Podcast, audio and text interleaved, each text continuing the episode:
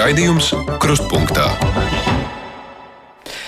Tālruņa numuru mūsu studijā 6722, 888, 672, 559, varat mums arī sūtīt ziņu no mūsu mājas lapas.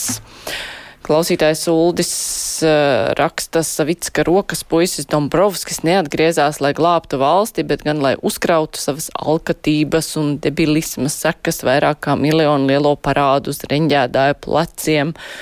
Uldis to visu situāciju ir šādā veidā redzējis. Savukārt, uh, Kaža raksta satriecošs atklājums ap Rīgas uh, starptautisko autoostu un pie centrāla tirgus notiek būvdarbi, kur milzum daudz tehnikas, bet strādnieku nav. Autobusa satiksmes stājas, jo pilns privāta auto. Paldies Rīgas domēji. Nu, es baidos, ka šis jautājums būs aktuāls ārkārtīgi ilgu laiku, kamēr vien tiks celtas Rail Baltica, tikmēr būs sastrēgumi. Tagad jau Gal galā ir skolēnu brīvdienas, bet kas būs pēc tam, to nu mēs redzēsim, jā. Klausītājs Vana, labdien! Labdien!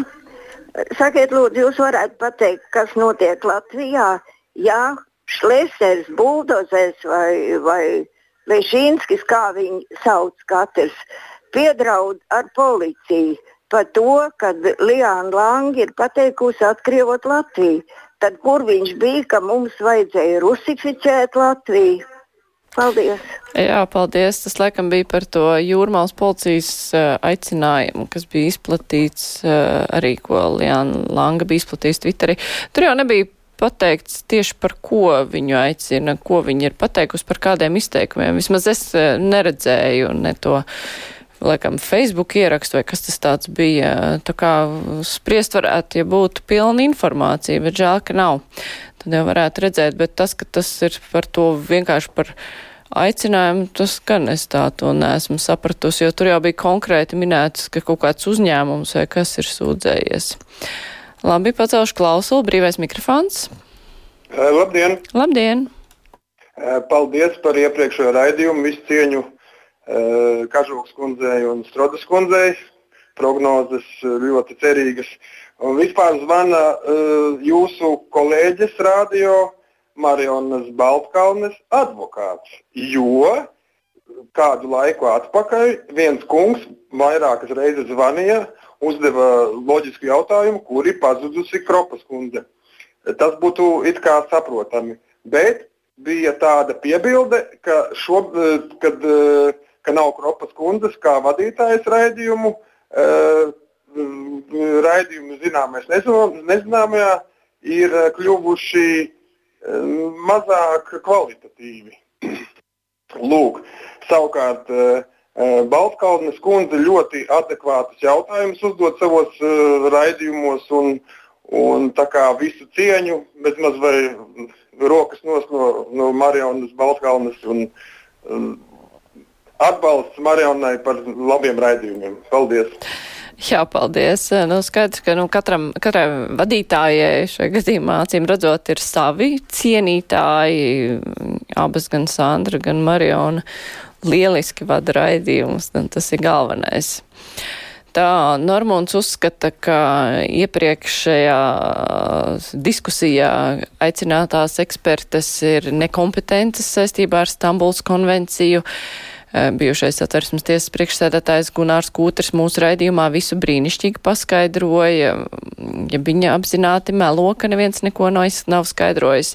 Ne, man liekas, ka Ieva vairāk runāja nevis par to, ka neviens nav skaidrojis, jo skaidrojumi ir bijuši, un Kūtra kungs gan pie mums skaidroja, bija arī citi skaidrojumi, tā kā tur viedokļi nesakrīt, bet eh, vairāk par to, ka cilvēki daudzi, kuri spriež par eh, šo dokumentu, nav iedziļinājušies. Un, vienkārši pauž viedokļus, un tas, diemžēl, ir pārāk bieži izplatīts. Tā kā, jā, skaidrot vajag, iedziļināties vajag. Tā pacelšu klausulī, brīvais mikrofons, labdien! Labdien!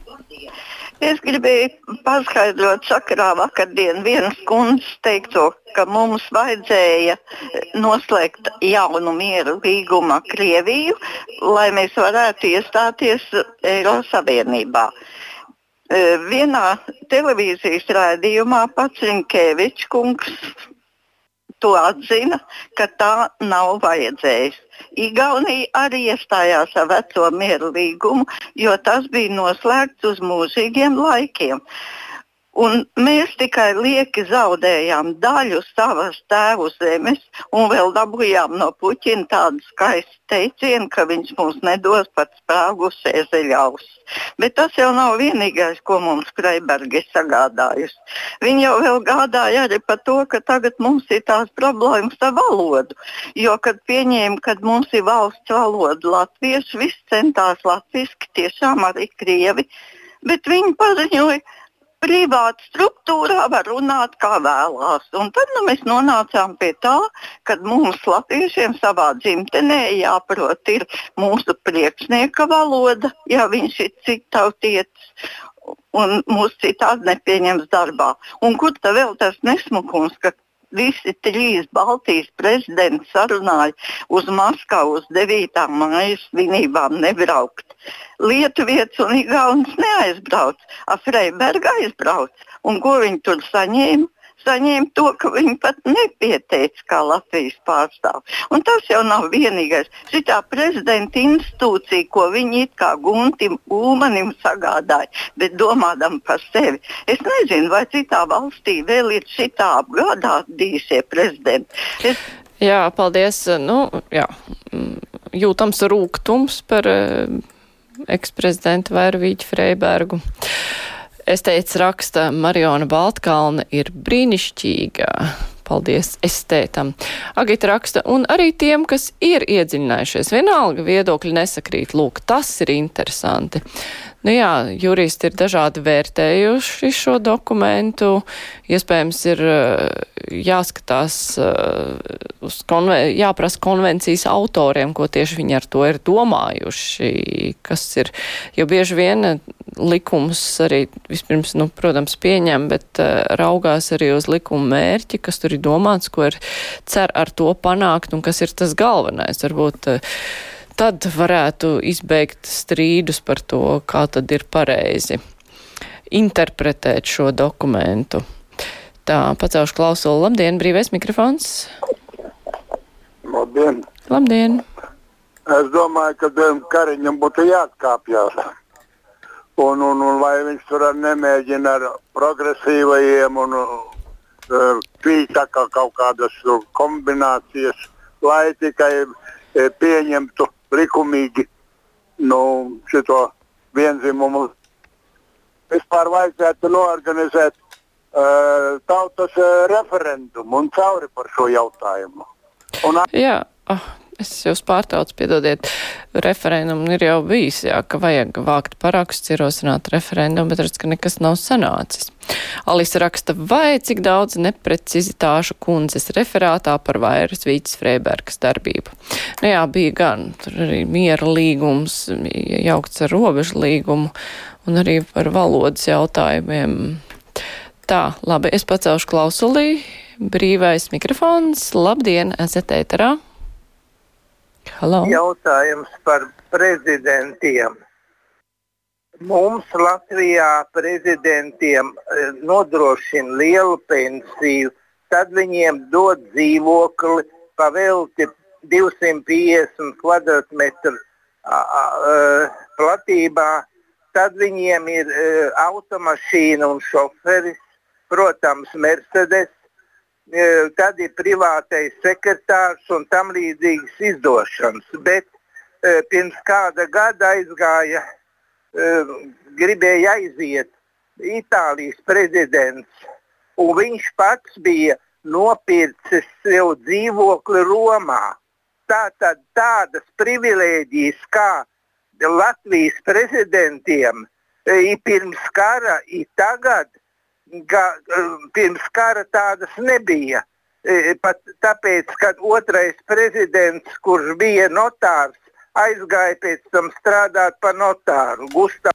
Jā, paldies. Uh, bet, uh, nu, jā. Protams, var dažādi, valsts rīkojas dažādi, bet tas, ka tā arī nav neparasta prakse, noteikti kaut kādas garantijas uh, bijušiem prezidentiem, tā jau arī parasta lieta. Guntars raksta, kāds nāks, ka Latvijas radio viens darbojas genderi de, nē, tā ir tā rūpīgi jālasa, genderi ideoloģijas lobbyisti kā Jansons, Kažoks, Tomsone, Liniņa un citi. Kas jūs ir deleģējis? Interesanti, kas tā ir par Liniņu un kas ir par kažoku, bet, jā, un galvenais, kas ir tā gender ideoloģija, Guntars varēja uzrakstīt. Gustavs raksta, un kā jūs domājat, vai nevajadzētu kādam saņemt sodu par šo lielo nolaidību 9. klašu eksāmena rezultātu lietā? Nu, tas tā nevar palikt. Šis pazemojums, kas bija jāpārcieš skolniekiem, nosvin izlaidumu un pēc tam paziņo, ka skolnēsi beidzis, nu, tas tā nevar palikt.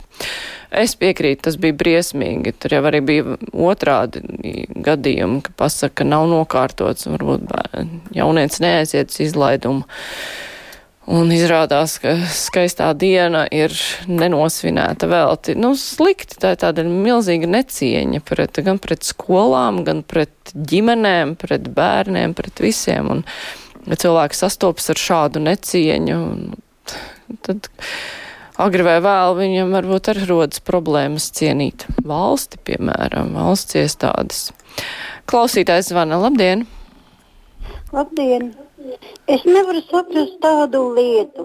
Ja tiek atlaists saima vai deputāti tiek atbrīvoti, viņiem tās lielās kompensācijas cilvēkiem, ja viņi ir slikti strādājuši, ja viņi tiek atbrīvoti un netiek vairs savos amatos un samaksāt no mūsu nodokļu naudām tādas kompensācijas. Tā pašā laikā invalīdi, kas patiešām dzīvo nabadzībā, Viņiem tik mazas tās naudas, es nezinu, kā viņi var izdzīvot. Tā ir netaisnība, negodīgums Latvijā un arī par slimajiem cilvēkiem, kam nav aprūpe. Tik drausmīgi daudz cilvēkam ir tik smagi, grūti apstākļi un ir pelnījuši labāku dzīvi. Nevis, ka mūsu tautas kalpi sauktie dzīvo kā tautas kungi, nevis kalpi. Paldies! Jā, paldies. Nu, jā, es piekrītu, ka par samērību ir vērts parunāt. Brīvais mikrofons ar to arī izskan. Paldies klausītājiem, kuri zvanīja un rakstīja. Rīt kruspunktā mēs runāsim par sodu politiku. Ir dažādi spriedumi, kur ir liels jautājums par to, nu, kāpēc kādam iedod ļoti mazus sodu un citu par mazāku pārkāpumu soda var būt daudz bargāk. Tā kā tas būs rītdienas raidījuma temats, bet šodien kruspunktā izskan producente Tevi Junām studijā Mārija Ansona. Vislabāk!